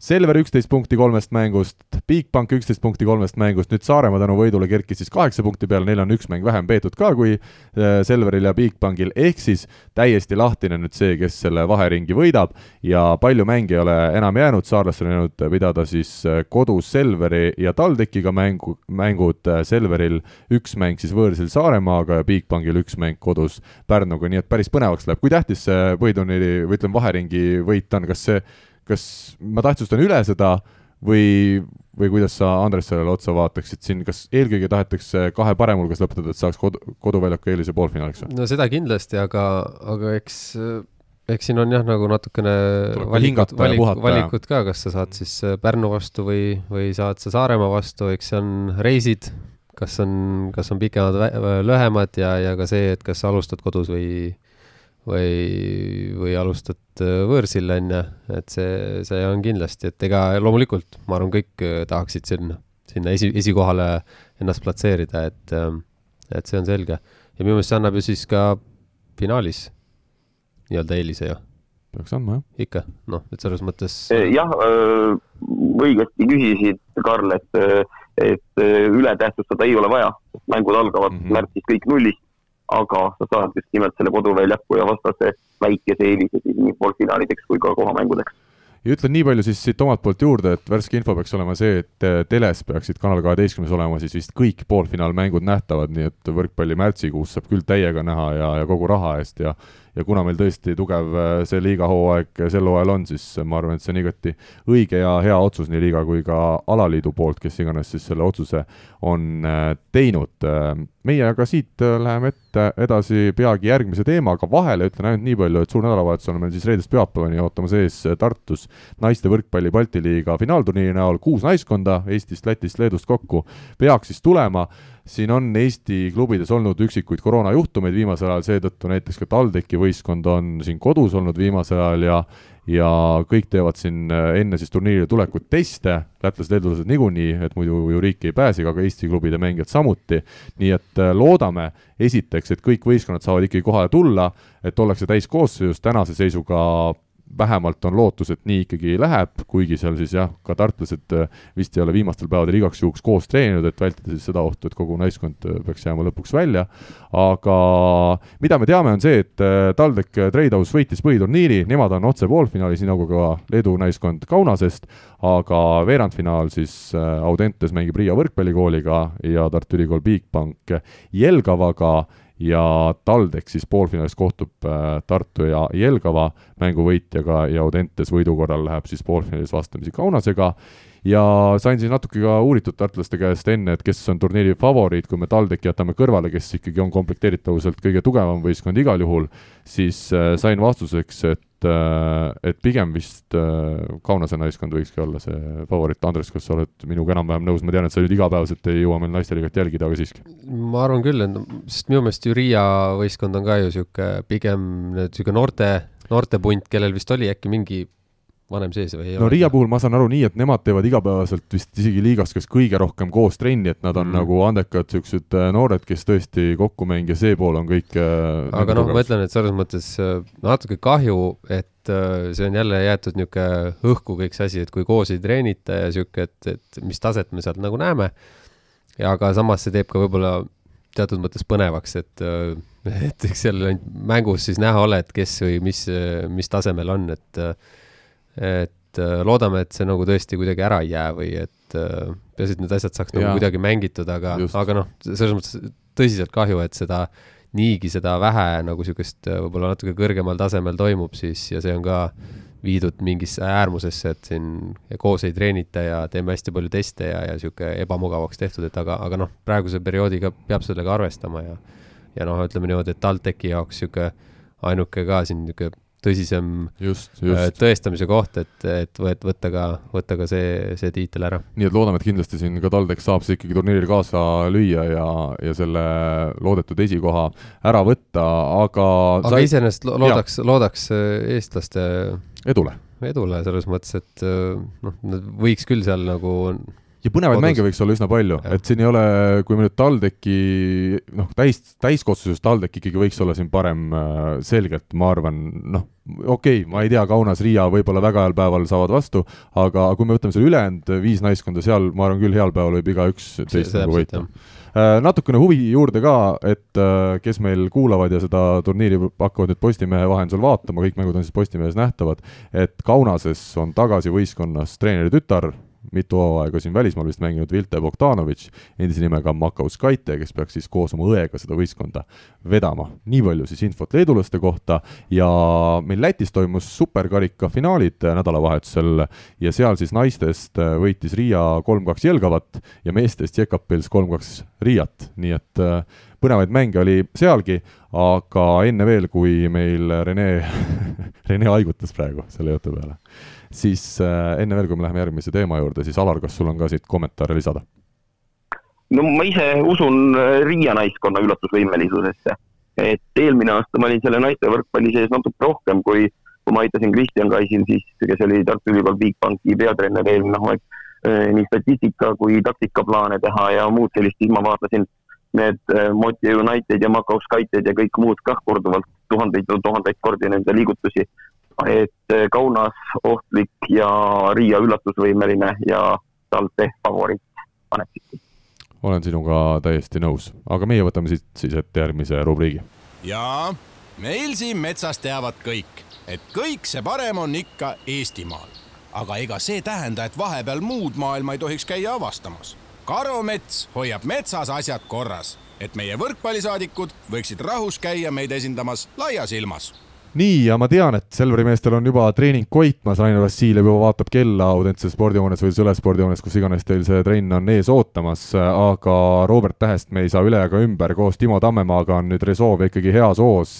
Kohalikus liigas, viimasest üheteistkümnest mängust on võidetud üheksa, Täht kõigepealt karikavõistluste veerandfinaalis Poola valitseja Saksa vastu pääses siis vahetusest väljakule, tegutses nii hästi, meie mäng küll kaotati null kolm, aga see oli igagi, igati eeldatav tulemus, et äh, siis nädalavahetusel toimunud liigamängus Belhatovi Skraga, Rene endise koduklubiga, oli juba täht algkoosseisus, täismäng, väga hästi esines äh, ja, ja võib öelda küll, et äh, Robbie on, on nagu täiega tagasi. Jah, natuke isegi võib-olla niisugune muinasjutuline tagasitulek, et, et selles mõttes ma ise eeldasin, et võib-olla ta peab seal lihtsalt treening, läbi treeningute head taset näitama ja läbi selle oma võimalust ootama, aga, aga seal mingid juhused natuke langesid kokku ka, Sersenil oli jälle mingi kõhuhäda natukene küljes ja, ja ja, ja noh, see selleks, et, et aga sai, sai oma võimaluse ja selles mõttes väga-väga hästi ju kohe kasutas ja ja juba Skra vastu põhis, et selles mõttes äh, mees on kindlasti jah, ree peal tagasi ja, ja ütleme, võrreldes hooaja algusega, kus tal oli natukene võib-olla seal olelusvõitlust või mis iganes kammitsemist, need nagu on minetatud, et äh, iga halb asi on ka millekski hea, nagu öeldakse ja, ja ütleme, oli näha seda, noh, pärast natuke arutasime ka, et äh, et sain oma sõnadele või mõtetele kinnitust, et niisugune tunneb ennast vabalt, kindlalt, mõnusalt ja, ja ega selles mõttes tasemes ju ei kahelnudki keegi, lihtsalt kuidas, kuidas noh, teades isegi, kuidas suurvõistkondades seal staaride vahel olla on, eks sa tahad ka ju näidata, et sa oled ka keegi ja, ja noh, Eestis päris, pärit mees on ka mängumees, et, et niisugused asjad võtavad aega tihtipeale ja ja, ja nüüd on, nüüd on selles mõttes kõik on tipp-topp ja, ja ütleme, ma usun kindlasti, et ta mängib ka järgmist mängu ja, ja selles mõttes, eks, eks ta peab oma nii-öelda, nii-öelda numbreid ja taset nagu kogu aeg stabiilselt näitama, et eks seal on mehi, mehi on veel võistkonnas, aga, aga ütleme, otsustavaks faasiks selles mõttes imeline tagasitulek, jah mina ütlen nüüd nii, et väga eriline või hea oleks, kui nüüd Resolve veel neljandalt kohalt kerkiks kolmandaks põhiturniiri lõpuks, sest sel juhul äh, oleks see Saksaga mäng edu korral ees ootamas alles finaalis. aga ma vaatasin, et praegu Gdanskist lahutab siis Resolve, et üks punkt, mõlemal jäänud üks mäng mängida, Resolve mängib meil viimase kohtumise siis Olstiniga, noh, kes peaks olema igati võidetav vastane, ja viimane mäng on äh, siis äh, Gdanskil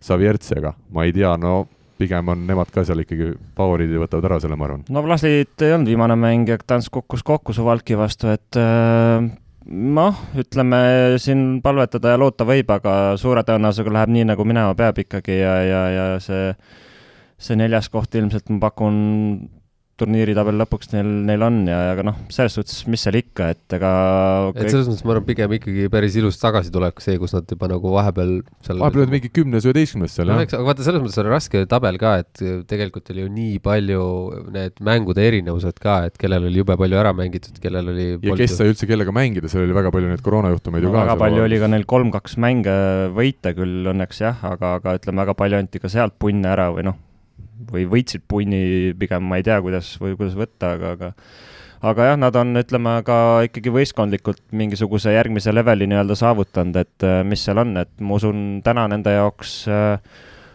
on äh, kõik vastased tehtavad, aga lihtsalt see Saksa kuidagi hästi ei sobi neile ka, ma usun, et nende mängustiil ja see on täpselt see, mis mis nagu Saksa Veskile ja, ja Resolvele mitte nii väga, et samamoodi ka Skra või, või noh, kuigi Skra on iseenesest kaks korda neile päris korralikult vastu hakanud, aga noh, ütleme, need on mingid pigem sähvatused, ma arvan, kui seal elu-surma peale jälle läheb, siis, siis Saksa sõidab teerulliga, ma pakuks, et aga, aga ja Jašembia, ma ei tea, kas, kas, kas seal on ikkagi lõpuks nii palju sisu, et Saksale vastu hakata, et noh, väga raske on näha, et Saksa komistaks, et hetkel Kihlveo kontorid kindlasti pakuvad Saksat favoriidiks aga ma siis ütlen ära ka tähtsas viimases mängus Belhatovi vastu, mis võideti kindlalt, tõi kuusteist punkti pluss kolmteist, rünnak kuuskümmend kaheksa protsenti kahekümne kahest tõstest viisteist lõi maha, võrkpalli kahekümne neljast on võimalik lugeda intervjuud tähega ja ühtlasi on võimalik seal näha siis selle viimase mängu highlight'e, mis sai klubi statistikult äh, välja kaubeldud ja, ja seal oli näha ikkagi, kuivõrd mitmekülgne oli Robbie rünnak, mida on alati lahe vaadata, et äh, et hästi tegutses, Alar, väga lühidalt palun sinuga kommentaar siin äh, Robbie ja, ja Resolve tegutsemisele. ma kommenteerin parem Timpsi ehk siis Timo Tammemaa rünnak viiest null ja välja ei võetud, mängis terve kohtumise. aga seal on väga selge põhjus, ma vaatasin, ma ei näinud pilti, aga ma vaatasin esimese geimi lõpus kohe statistikat, kui Timo Tammemaa on ühe geimi jooksul servinud üheksa korda ja kogu mängu, kolmegeimilise mängu jooksul kakskümmend korda, siis vahet pole, mis sa seal rünnakul teed. ma arvan, et Timo servid olid üks väga otsustav asi, miks Ressove selle mängu kolme võitis. jaa, oli, oli ja siia siis teema lõpetuseks ütleme, meistrite liigas esimesed äh, veerandfinaalmängud sel nädalal aset leiavad, täna kolmapäeval, mil saade eetrisse läheb, näiteks siis kell üheksateist null null tasub küll otsida üles kõik lubatud ja mitte lubatud kanalid, kuidas kellelgi. Civitanova Lube minemas kodus siis vastamisi sellesama Saksaga, kellest siin juttu oli. no vot et..., äh, nüüd saamegi ühe niisuguse satsi Saksale vastu, kus ütleme, kes mängib samas, sarnases stiilis võib-olla Belhatovi Rezoviga ehk siis niisugust jõulist mängu, aga neil reaalselt on seda jõudu ka, et nad ära lihtsalt paugutada et äh, see, see saab, see on mäng, mida ma olen terve hooaeg tegelikult oodanud, sest. Äh, nüüd on näha, vaata, kui see, kui Rezoviga mäng oli, kuidas Kohanovski ikkagi küpsetas seal kõik need mehed äh, tegelikult plokis ära alguses. aga nüüd Lube vastu ma tahaks tõesti näha, kas, kas ta, kas seal selle plokiga võetakse kohe alguses nii jõhkralt ära või mitte, et. no pigem ei. Alar ma tahtsin lihtsalt seda öelda, et eelmine aasta näitas, et Saksa samamoodi domineeris ja ka oli väga hea meeskond ja lõpuks oli ju Georgi Kretsu ja Kemerova, kes meistrite liigas kahe mängu kokkuvõttes nad välja lülitasid, noh siis tuli koroona peale. aga see mäng tolle siis Venemaa Pronksi meeskonna vastu näitas, et jah, Saksa domineeribki Poolat, aga kui tulevad Itaalia või Venemaa täielikud tipud, siis pigem on nad ette jäänud. ma väidan, viskan niisuguse väite õhku, et jaa, nii oli ja Kemerova mängis hästi ja võitsid äh, Saksat, aga ma ütleks, et äh, Saksa on see aasta kõvem kui eelmine aasta. nõustud või mitte? võib-olla nõksa kõvem aitab sellest, meil on väga hea, meil on täna lihtsalt küsimused peale tulemas, ma väga pikalt räägiks Euroopa võrkpallist edasi teiega, aga meil on aga aeg... ei oska või nii, head kuulajad, see on nüüd selline koht, kus äh, tahaks hirmsasti välja lõigata need Rene ütlused, aga me oleme leppinud kokku, et me ikkagi reeglina ei lõika välja asju, hoopis selle külma ilmaga siin libiseme viimase teema juurde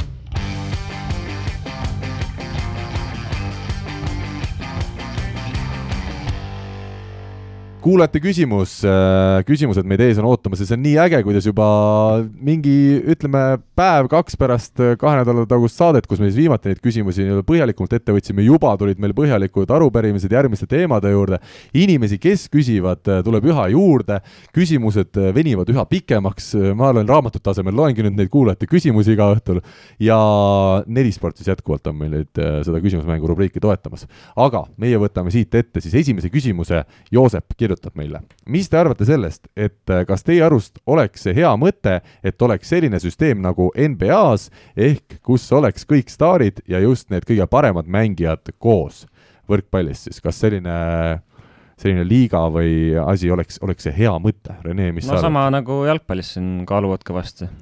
No ühesõnaga, ta on nagu meistrite liiga ainult, et nagu veel natukene siis tummisem, et äh, võib-olla võtaks sealt natuke rohkem venelasi, poolakaid, itaallasi nagu punti, kui tahta seda kõige teravamat tippu, et no eks ta oleks põnev ikka, pigem äkki siis nagu Euroliiga stiilis, ma arvan äkki või, et äh, meeskondade hulk ja see võiks nagu sinna, sinna nagu jääda, et kui me räägime NBA-st ja kolmekümnest võistkonnast läheb, läheks paljuks, ma arvan, et pigem või, võiks võtta selle Euroliiga ette, see on küll ülikõva asi, aga noh, ütleme käia kõigi juures võõrsil, ma ei tea, kas seda finantsilist võimekust nagu on, aga idee poolest ja näha, nähes, kuidas Euroliiga töötab Euroopas, tegelikult see oleks küll üli-ülikõva, jah. et sinu ühesõnaga argument on see, et täna võib-olla ei ole võrkpallis isegi maailma tipus nii palju raha võrreldes korvpalli ja jalgpalliga, et äh, seda üldse seda liigat nagu toimimas hoida või? ei, ma ei tea, aga ma tean, et niisugust asja on aetud ka. minu arust Jah. Ivan Milkovitš, endine Serbia staarmängija, käis minu arust äh, ringi mööda Euroopat ja, ja üritas klubisid kaasata, kui ma olin äkki Poolas tol aastal äkki või, jah. et aga, aga noh, sellest äh, rohkem ei ole kuulnud, järelikult siis ei saanud ikkagi päris asja, aga, aga formaadid võiks üle vaadata küll, ütleme jah, ja, ja ütleme eriti need alumised otsad seal või tähendab see ja Challenge Cup võrkpallis, et need on ju ainult raha välja viivad üritused, et see ei ole ka päris okei okay, noh. minu arust võiks lihtsalt CEF-i ja FIVE B igalt poolt nagu võistlusest kõrvale jätta, et äh, siis tundub, et saaks võib-olla süsteem ja reeglid ja kõik saaks ka natuke selgemaks. Aga kokkuvõttes, Alar, kas see rikuks ära seda nii-öelda riikide mudelit, noh, jalgpallis on ju palju arutatud, et kui sa koondad kõik tugevad võistkonnad ühte liigasse Euroopas või maailmas, siis äh, jääb, tekib hästi suur vahe nende järgnevate võistkondadega, kes siis oma liigas jätkavad mängimist, kuidas sa näed seda teemat? No vot, see ongi häda, et ega meistrite liiga formaati võrkpallis on ka siin aastate jooksul ju muudetud siia-sinnapoole. ja on räägitud, et äh, Itaalia neljas, viies, kuues või Venemaa või Poola oma sobiks sinna paremini kui mõni, ma ei tea, Tšehhi võistkond, aga noh, need on teemad, mis on valusad ja poliitilised, sellepärast et äh, TEF-i presidendil on ka äh, Tšehhi alaliidu ja ma ei tea, Prantsusmaa alaliidu hääli vaja, et äh, sellepärast ei saa jätta nagu teisi riike päris kõrvale. et see Euroliiga formaat ka, noh, võib-olla, mida mina tahaks ja loodaks, et tekib, on ikkagi profiliiga USA-s ja rääkisin siin mingi paar kuud tagasi ühe poolakaga eh, ja ütles, et, eh, et vaikselt jälle mõeldakse ja proovitakse, et eh, ikkagi luua siis selline tasemel professionaalne USA liiga, see võiks küll väikese sellise värskenduse maailma võrkpalli ellu tuua. Lähme edasi, sest meil küsimusi on palju ja aega täna tõesti nii palju ei ole nagu tavaliselt. küsib siis äh, Marko, tere, küsimus eelkõige Andresele kui sidemängijale, aga võivad ka teised vastata. teemaks vasakukäelised mängijad. kas näiteks vasakukäelisele diagonaalile peab side kuidagi teistmoodi tõstma just kauguse mõttes või on see eelkõige ründaja ülesanne end õigesti positsioneerida? ei no eks ikka sa tõstad või noh, üldjuhul sa saad natukene lühemaks jätta, sa ei tohi tallegi nii pikaks lasta antenni taha ei tohi lasta, jah? Et aga ega nende vasakukäelistega on, et osadele sobib, osadele mitte ja, ja vasakukäelistele noh, diagonaalidele siis on, noh, selles mõttes mina olen mänginud äh, mitmed aastad ja, ja päris niisuguste heade kiirete äh, diagonaalidega mulle väga meeldis. ja, ja võib-olla see on pärast harjuda paremakäelistele tõsta on jälle nagu teistmoodi, et äh, et jaa, loomulikult on, et seal on vahe sees ja, ja sellega tegelikult tuleb harjuda. kas kaitses on ka mul vasak on isegi olnud üks äh, vasakukäeline tempo äh, Prantsusmaa Pro B-s ja see oli väga veider. kaua see aeg harjumiseks võttis? see oli väga veider. ja sa pidid kogu aeg mõtlema, eks ole, üle, et nüüd on tema sul ta nagu kuidagi hüppas hästi kehasse sisse ka muidugi, aga ei no muidugi oli aga- temporündaja süüdi, eks ole, kõiges. ei, ei, ma mõtlen selles mõttes, et sa ei tundnud seda vahet võib-olla nii palju, sellepärast et ta ei, ta ei hüpp- hüppas sullegi hästi kehasse sisse sellega, et võtta sinu pea pealt see pall või, või käe, käe pealt ära, aga aga see oli tõsiselt veider ja päris palju pididki mängima siis nii-öelda seda nii-öelda selja taha tõusut. aga saite klappima? või oligi keeruline lõpuni välja, kuna no sa ei see olnud harjunud? Prantsusmaa oli nagunii niisugune aasta, et okay. seda ei tasu meenutada Äh, kas on kaitses ka keerulisem äh, vasakukäelist kuidagi takistada või, Rene või Andres? No trajektoor on natukene, võib-olla on sihuke teist, teistmoodi, aga ei, ma arvan, üldiselt ikka ei ole suurt vahet kaitses küll, et äh, no pigem on eripära plokis ikkagi, et vasakukäelist tuleb teistmoodi blokeerida, aga kaitsesse tuleb ikkagi pall, et seal jah, ma usun ka, et nii suurt erinevust ei ole. kuule, kas niisuguseid mängijaid ei ole olemas äh, ikkagi ütleme meistriliiga tasemel, kes suudavad nii parema kui vasaku käega lüüa sedavõrd hästi? Robert Täht, ei, ei, ei, ei oota, oota nüüd. tegelikult on vasakukäeline number üks maailmas, kes mõlema käega lööb, on Igor Kljuka. jah, Venemaa siis nurgaründaja või? aga ma olen näinud, kuidas soojendus, vaata üks, üks veel vägevam näide on, et soojenduse ajal lööb sama kõvasti vasaku ja paremaga, niisugust ma rohkem ei ole näinud, on äh, Prantsusmaal täna mängib veel Baptiste Keiler, nurgaründaja.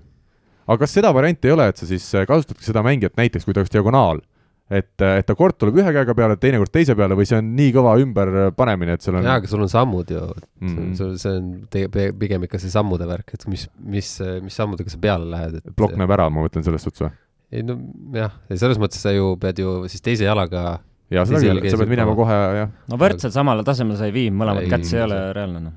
kui ei ole just mõlemad võrdselt äh, halval tasemel, nagu näiteks jah, jõuame sinuni alati. aga kui siit edasi minna, jätkab siis meie kallis kuulaja Marko, siis eriti innovaatiline mõte ja võte. kui diagonaalid ründavad nii ühe kui ka kahe pealt, siis miks vasakukäeline diagonaal ei võiks viie pealt rünnata? kõikide teiste positsioonide pealt rünnatakse, aga näe, viis on vaeslaps, seal on siis see, kus reeglina üks libero seisab. no seal on nurgaründaja ees ja alustame sellest kõigepealt aga seda kasutatakse küll. Äh, kasutab ju Perugiagi maailma tippvõistkond, et kui, kus on Leon, sinna on vaja tõsta vahest lihtsalt, ega muud ei olegi, noh. nii et äh, on, aga, aga see ei toodaks tulu, et seal peaks nii palju ümber mängima selle nelja pealt nurgaründaja asetsemise? ikka on võimalik seda taktikat ümber mängida, kui Tartu meeskonna ajaloo peale mõelda, siis äh, aastatel, kui Oliver Venno mängis siin, siis kasutati teatud asetustes sellist lahendust, et Oliver ründas viie pealt et eh, sellel on ikka lahendus olemas ja usun, et ka, usun, et ka efektiivsus olemas, kui on seda vaja, aga seal on jah, teatud spetsiifilised mängijad, et nii nagu Rene tõi selle Leoni näite, et sul ongi ühte meest teatud positsiooni vaja, noh, kui ta, ma ei tea, näiteks nurgamees paipi lööb, kõik on valmis kolmekesi sinna hüppama, siis pigem liigutadki kuuet tsoonist viiet tsooni või samamoodi siis liigutad diagonaali ühe pealt viie peale väga hea, läheme edasi, Aare Alba, meie legendaarne kuulaja, ikkagi jätkuvalt küsib küsimusi ja seekord on päris, kusjuures ka selline huvitav asjatundlik küsimus, mitte et muidu ei oleks. laisa inimese kombel, kes ei viitsi eeltööd teha, tulistaks, et kes on meie vollekoondises olnud kõige noorem debütant ja mina ütlen ausalt, et ma üritasin seda kuidagi uurida, aga ega mingit ajalooarhiivi meil sellest ei no, räägi. kui jälle ei tea, siis ei tea keegi, noh. mina hakkasin mõtlema, kas Oliver Venno äkki kandideerib sellele, ta oli ikkagi juba, ma ei tea, seitsmeteist kaheksateist aastat debüteeris. äkki eelmine suvi siin tuli igasuguseid? no vot, see on ka küsimus, et keda võtta, eks ole, kas siis, kui meil on äh, terve koondis on eemal, nojah, debütandi hulka läheb ikkagi, jah.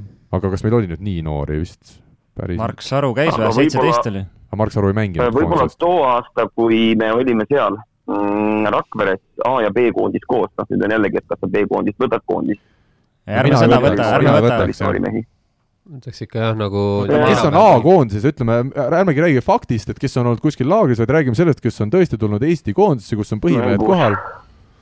jah. võtan enda peale vastamise, annan sulle, Karl, teada, selle kohta on andmebaas olemas. aga seal tuleb natukene eeltööd teha ja kui vana ja oli Rosenblatt, kui ta sai esimest korda? no vot, Rosenblatt võib ka üks olla kindlasti. ja ega Aganits oli ka päris noor, kui ta esimene kord tuli sest mina mäletan, et kui mina käisin esimest korda kaasas, siis äkki ma olin üheksateist, kaheksateist, aga sealt on kindlasti ei no neid kaheksateistaastaseid on varem ka. jah, neid on nagu olnud, ma arvan, siin ikka väga mitmeid, et et kas keegi niisugune, kes on seitsmeteistaastane, tõenäoliselt peab olema tõenäoliselt sealkandis ühesõnaga, me jätame selle teema õhku ja Alar meil niikuinii on olemas ja ma arvan, me ühes siis järgnevas või ülejärgmises saates võtame selle asja teemaks, ma panen selle siia kirja, et ma seda ära ei unustaks, aga võtame järgmise teema, me, järgmise küsimuse, meil ei ole palju aega enam Selveri meestel jäänud. Priit küsib, tere, teil on hea saade, jätkake samas vaimus. vaatasin siin TalTechi ja Pärnu mängu ja sealt kõlas kombinatsioon natuke edasi või siis lihtsalt edasi. siis on varasemalt kõlanud kombinatsioon vahe, no kombinatsioon vahe on meil ka siin saates siis ära räägitud, see on see temporündajale tõste, kus äh, temporündaja ei tule sidemängija lähedalt, vaid on sealt eemalt ja vahepeal saab siis kuuest ehk tagaliinist nurgaründaja tulla sidemängijalt lähemalt ründajale äh,. võib-olla keeruliselt kõlas, Andres võib-olla hakkas naerma natuke edasi on kindlasti Tamar Nassari mingi lause. nii, aga mis see on siis? mina ka sellest ei ole nüüd nii kuulnud no te, ma ei tea, kas keegi küsib otseselt natukene edasi või on lihtsalt veits, pane veits pane veits edasi. ei, tegelikult on, ma arvan, et lihtsalt on edasi ja siis on veel see nii-öelda double G, et siis Nii. nagu no, natuke on, lihtsamalt, mis see double vahe, ütleme vahe kombinatsioonile saad kaks nagu niisugust, see on nagu varianti kaks varianti, et kas on siis nagu, ma ei oska ka seletada, et selles mõttes on, üks on kergelt ma võin seletamise enda peale võta jah, enda peale. edasi, edasi on äh, enamasti mõeldakse seda, et äh, temporündaja hüppab sidemängija kõrvalt ülesse, aga kaldub temast eemale, tõste antakse veidi eemale. siis on olemas selline edasi, see nüüd sõltub äh, koolkonnast ja riigist, mida mängitaksegi meelega meeter sidemängija kaup äh,, sidemängijast eemalt. Vahelt kombinatsiooni puhul lähebki sidemängija konkreetsesse tsooni kolme ja nelja vahel ja see, mida nüüd Andres ütles, see topelt edasi, on siis umbes kaks meetrit sidemängijast äh, eemal. et noh, neil on oma koht olemas, mõni treener või mõni taktik, statistik kasutab neid kõiki äh,, neid tõusukombinatsioone võib vähemalt kümme kokku luua, kui sa iseenda jaoks tahad asja nii keeruliseks ajada. aga mina olen näiteks oma kogemusest saanud aru, et äh, teinekord edasi ja topelt edasi võib-olla lihtsalt temporündaja satub valesse kohta, et ega ei, ei tahetagi mängida sealt, kus see temporündaja asub aga siin läheb edasi see küsimus, üks võrkpallikommentaator on maininud kiire nurka, ta siin jätkab, no kiire nurk on lihtsalt kiire tõstenurka. nurgaründajale või jah, teisele poole. on ju, nii, eks ole, jah. nii, siis edasi seesama küsimus jätkub. kas iga kord, kui servitakse või võetakse servi vastu, ütleb sidemängija, kellele milline tõste tuleb? Andres?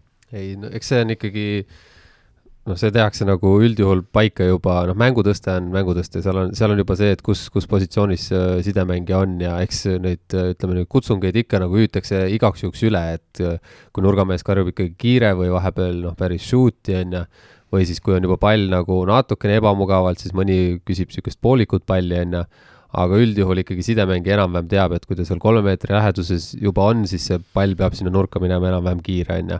Küll aga sa ju näitad, eks ole, käe peal äh, enne, et jah, tempole, aga sa, sa, sa näitad tempole. Ja, ja, ja seda on nüüd see, et, äh, et see nagu kutsung pannakse paika, aga temporündajal on see väike võimalus veel seda, äh, ütleme, muuta juhtuvalt tõstest või? ei, juhtuvalt sellest, kuhu see vastuvõtt on, et kui lepitakse kokku, ütleme niimoodi, näiteks ma ei tea, tavaline tõusev on ju, aga serv tuleb niimoodi, et võib-olla tempo peab ise vastu võtma ja ta saab ainult minna vahesse peale, siis ta lihtsalt karjub vahe ja läheb sinna nagu vahesse ja seda nagu jõuab sidemängija reageerida. Selge, nii, siin läheb edasi nüüd äh, seesama küsimus mm. -hmm, mm -hmm, ma kohe vaatan, kas lepitakse ka mitu varianti kokku ja siis vastavalt vastuvõtule talitatakse, no sellele sisust vastasid praegu. nojah, ja selles mõttes on ka osadel sidemängijatel näiteks see, et, et kui vastuvõtust mängime seda, aga kui tuleb näiteks nii-öelda uus nii-öelda siis ütleme kontrapall, et siis, siis sellega noh, võib-olla võetakse mingi kindlam variant või otsustatakse juba ennem ära, et seal näiteks muudame või midagi niisugust. no näed, siis sa juba vastasid siin järgmisele küsimusele ära, sest ta küsis, et kui pallivahetus läheb pikaks, kas siis tulevad nii-öelda standardlahendused või jõutakse veel midagi kokku leppida? jah, et, et seal on selles mõttes, et tavaliselt on mingi üldine niisugune asi, mida ütleme näiteks teatud tempomehed ei, ei, ei jõua hästi näiteks äh, selles äh, kontrapallides äh, näiteks sidemängijatel enam nagu nii-öelda mitte üles otsida, aga aga võib-olla kui see ei tule nagu täpselt kätte, siis, siis ongi juba kokku lepitud, et tulevad shoot'i on ju, või kui jõuavad, siis tulevad ja karjuvad ühte, et noh, et see selles mõttes võib-olla pannakse jah, teatud mängijatega ennem paika, et ürita seda tulla ja kui ei, siis, siis seda muudetakse käigu pealt. kas iga tõs-, iga kombinatsiooni jaoks on käemärk? tempode jaoks on, eks? tempode jaoks on, jah. mis ja... need, äh, üks sõrm, rusikas? see on, selles mõttes see on Ole. erinev, see ei, see ei pruugi olla niimoodi, et äh, Eestis on siin jah, rusikas ja see on seal nii-öelda vene, vene, vene stiilis äh, need äh, need käemärgid. nii, vene stiilis, meil tuli üks vene stiilis käemärk praegu siin Renelt ka, aga ma eeldan, et keskmist sõrme vist, Alar, kas teie võistkonnas näitate vahel keskmist sõrme, kui tahate mingit kombinatsiooni teha? ei, me ei tegele selliste asjadega, ega see on muud sõrmed, see... koos teiste sõrmedega kasutuses olla. see on see, et temps pole mõtet tulla, seda nagunii ei saa nii, siis jäi kõrva, et iga kord ei olegi kolmest plokki lubatud teha. kuidas kommenteerite? sõltuvalt vastaste ründajast ja taktikast. osadele meestele pole mõtet lihtsalt. tal ei ole seda sektorit näiteks, diagonaali. kas Eesti liigas on mõni mängija, kellel ei ole mõtet ka kahest plokki ette panna, piisab ühest? mõnel ei ole üldse vaja hüpata, tegelikult segab kaitsemängu ainult selge. nii äh,, väga hea, Priidule me saime vastuse ka ja tõesti, mulle tundub, et me tänase saate võtame siin kokku, sest Selveri on aeg minna, aga meil on küsimusi palju jäänud õhku, nii et me nädala pärast võtame need jälle ette äh, ja info, et võrkpall24.ee ja Võrkpall24 Facebookile sõnumid on ikka ja jälle need kohad, kuhu saab äh, neid sõnumeid jätta. Alar, ma annan sulle lõpusõna, sest meil on Rivo, sa täna asendad Rivot ja Rivo alati ütleb midagi lõppu, see ei pea olema seotud üldse võrkpalliga ega üldse millegi olulisega, ole hea, lihtsalt tee mingi ilus lõpp mina tervitan lõpetuseks ikkagi äh, kavaleeri äh, Rivot ja lõpuks sai ta nüüd ühe autasuse kätte, et äh, äkki kümne aasta pärast jälle midagi põleneb. igatahes, head kuulajad, head saates viibijad, aitäh teile kõigile ja kohtume uuesti nädala pärast. tšau. tšau. tšau. aitäh sulle, Alar. aitüma, olge tublid. super, tšau. tšau, tšau. Eesti kõige põnevamad podcastid on Delfis, kuula tasku.delfi.ee. ega edu pole jänes, mis seest ära jookseb, ärid on edukad Hammerheadi majades